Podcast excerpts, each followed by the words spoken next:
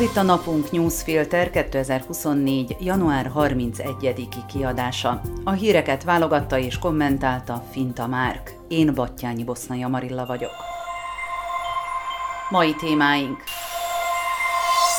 Matovicsnak hiányzik a reflektorfény. Pöfög az úthenger, nincs ki megállítsa. Vajon kiküldik-e kávézni Orbánt Brüsszelben? Igor Matovics egy babérlevél, legalábbis ezt állítja magáról. Persze, aki ismeri az egyszerű embert, jól tudja, hogy saját szemében ő inkább Isten kalapján a bokréta, de ezen a szürke január végi napon fogadjuk el, hogy Igor Matovics is lehet néha szerény egy kicsit. De hogy miért is babérlevél Igor Matovics?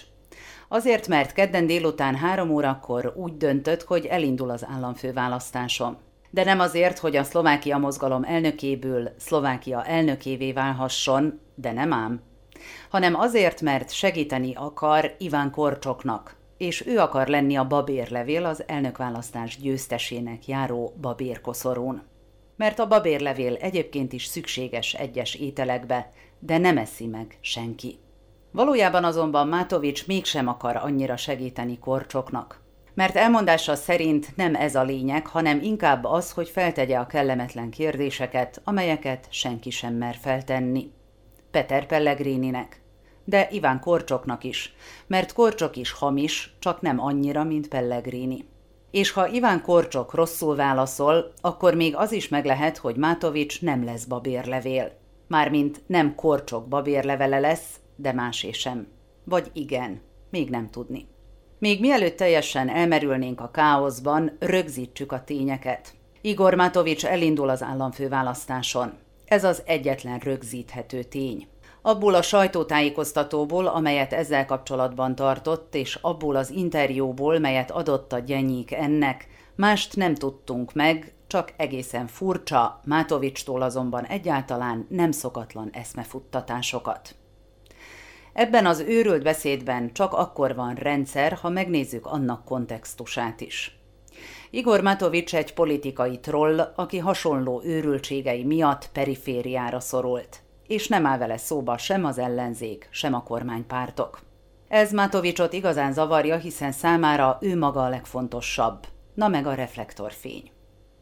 S ha van esemény, ahol reflektorfénybe lehet állni és büntetlenül, ingyen trollkodni, azaz elnökválasztás. Mátovicsra pedig nem jellemző, hogy ne ütne le ilyen magas labdákat. Hiszen az ellenzéki pártok átvették tőle a korrupció ellenes agendát, és őt nem hívták meg beszélni a terekre. És állítólag a sajtóba se kerül be, hiszen senki sem hívja, főleg nem a gonosz progresszív média. Mellékvágányra állították, kitagadták olyan hordószónokot csináltak belőle, akinek a hordóját elvitte a cica. Így hát Mátovics belép az elnökválasztási harcba, és kihasználja a mediális teret, hogy aztán visszavághasson, megtrollkodhassa a többieket a stúdiókban. Nagyjából ennyi a nagy titok. Persze elhihetjük azt is, amit állít, hogy a szavazók egy része számára egyik jelölt sem felel meg a felhozatalból, ezért Matovics majd felállítja a kanapéról azt a nagyjából százezer konzervatív szavazót, aki egyébként nem menne el választani. Ez nagyon jól hangzik, pláne, hogy jelen pillanatban a két legerősebb jelölt, Peter Pellegrini és Iván Korcsok is azon dolgozik, hogy mobilizálja az otthonmaradókat. De Iván Andrejevics Krilov orosz meseírónak van egy meséje a medvéről, aki egy remete barátja volt. Mikor a remete aludni akart, a legyek folyton zavarták, ezért a medve segíteni akart, és fogott egy követ, hogy azzal elhessegesse a legyeket. Csak hogy a nagy hessegetésben agyonverte a remetét is. Mátovics pedig korcsok kővel hadonászó medvéje lehet.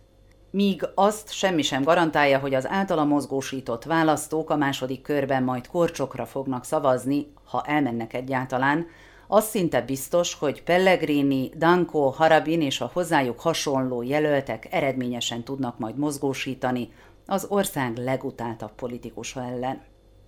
De se baj, Mr. Babérlevél majd hoz egy kis mókát az elnökválasztási kampányba is, ahogy a parlamenti kampányba is hozott. öveket becsatolni, epedve várjuk az Andrei Danko, Stefan Harabin, Igor Matovics összetételű elnökjelölti vitát. Míg Matovics ledobta az újabb házi készítésű atombombáját, addig a parlamentben is tovább pöfögött a koalíciós gőzhenger. Kezdődik a büntető törvénykönyv módosításának parlamenti vitája a második olvasatban. S a kormánypártok ismét korlátozták a vitát, ezúttal 62 órában. Ez a 62 óra ráadásul csak papíron ennyi. Az időkeretet felosztották a frakciók között, és mivel a kormánypárti képviselők eddig sem nagyon szóltak hozzá a vitához, az ő idejük simán lepörög. Az ellenzék így körülbelül 30 órát beszélhet majd. Ez az idő még úgy is gyorsan eltelik majd, hogy most nincsenek tervben éjszakai ülések, sem a vita idő előtti lezárása. Legkésőbb február 7-én. Az aktuális ülés programja ráadásul nagyon bő, 100 pontot tartalmaz tehát az ülésszak akár két-három hétig is elhúzódhat. Ha a koalíciónak sikerül gyorsan letudni a büntető törvénykönyvről szóló vitát és megszavazza a törvényt, akkor Zuzana Csaputová államfőnek legfeljebb 15 napja lesz megvétózni azt. S ha visszaküldi a törvényt a parlamentbe, a vétóját még ezen az ülésszakon megtörhetik Ficóék, akár a vétótól számított két-három napon belül. Még a konzervatív becslések is február 27-éről beszélnek. Az óra tehát ketyeg, azok pedig, akiknek vaj van a fejükön, kezdhetik dörzsölgetni a kezüket. Beérhet a sok munka, megvalósulhat minden idők legnagyobb szlovákiai amnestiája, méghozzá néhány hét múlva. Az egyetlen gátja mindennek az alkotmánybíróság marad, és kérdéses, hogyan fog eljárni. Az alkotmánybíróság ugyanis általában rendkívül lassan dönt. Az ellenzék esetleg abban bízhat, hogy a bíróság előzetes intézkedéssel akadályozza meg, hogy az új törvénykönyv hatályba léphessen március 15-én. De az sem kizárt, hogy az alkotmánybíróság már csak akkor dönthet a törvényről, mikor az már hatályba lépett. És ha akár egy napig is hatályban van, a legnagyobb halak kikerülnek a hálóból.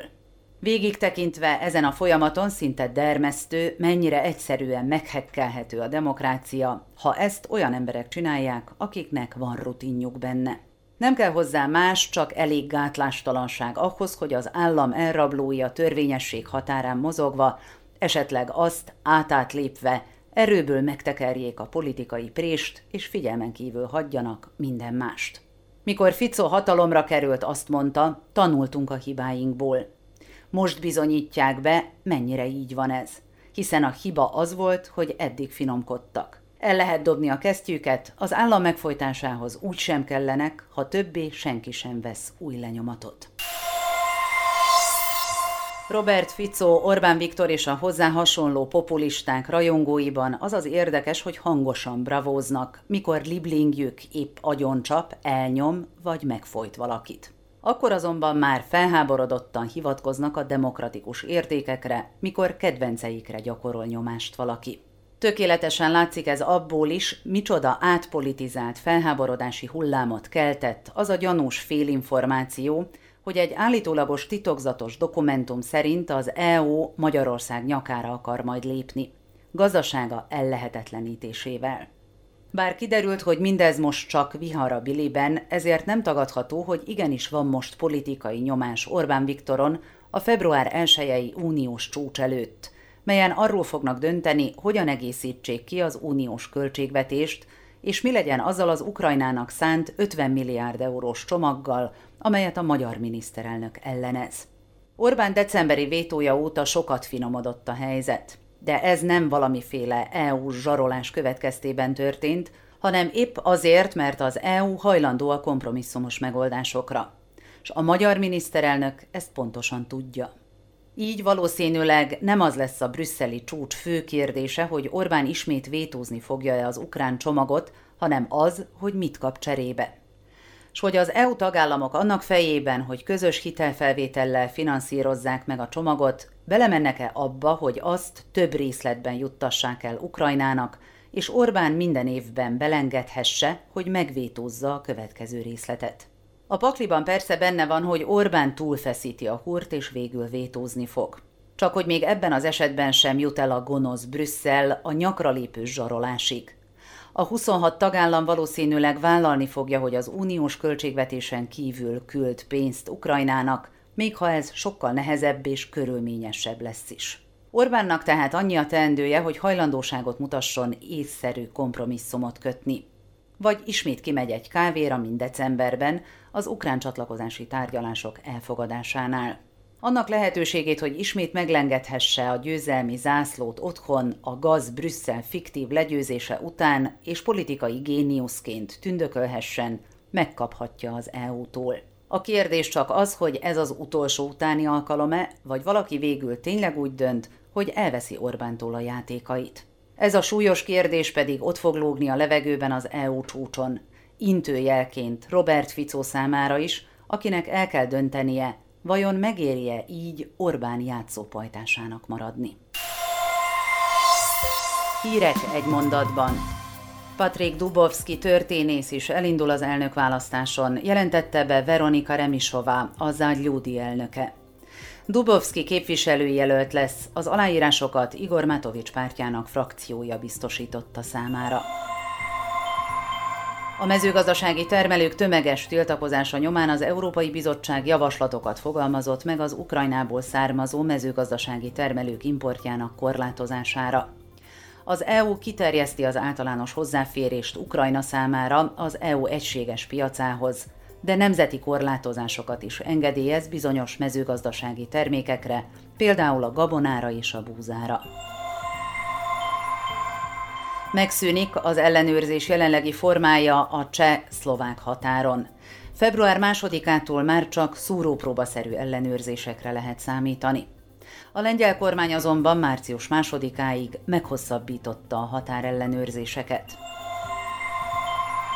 A szlovákiai bankok 1,2 milliárd eurós nyereséggel zárták a tavalyi évet, ami 2022-höz képest 45%-os emelkedés. Ezzel együtt több mint 300 millió eurónyi jövedelemadót fizetnek be az államkasszába. A Nemzeti Filmintézet 250 millió forinttal támogat egy dokumentumfilmet, mely a dacról fog szólni. A filmforgatás tavasszal kezdődik, rendezője a blokádot készítő Tősér Ádám lesz, producere pedig a Fideszhez közel álló Lajos Tamás. Tavaly több mint 52 ezer egyéni vállalkozás szűnt meg Szlovákiában, ami 8 éves rekordot jelent. A legtöbb egyéni vállalkozó az építőiparból távozott. Ukrajna idén minimum 21 milliárd eurónyi katonai segítséget várhat az Európai Uniótól, jelentette ki Joseph Borrell az EU külügyi főképviselője. Az elmúlt két évben ez a segítség körülbelül 28 milliárd eurót tett ki. A mai napunk newsfilter híreit válogatta és kommentálta Finta Márk. Én Battyányi Bosznaja Marilla vagyok. A Viszonthallásra holnap.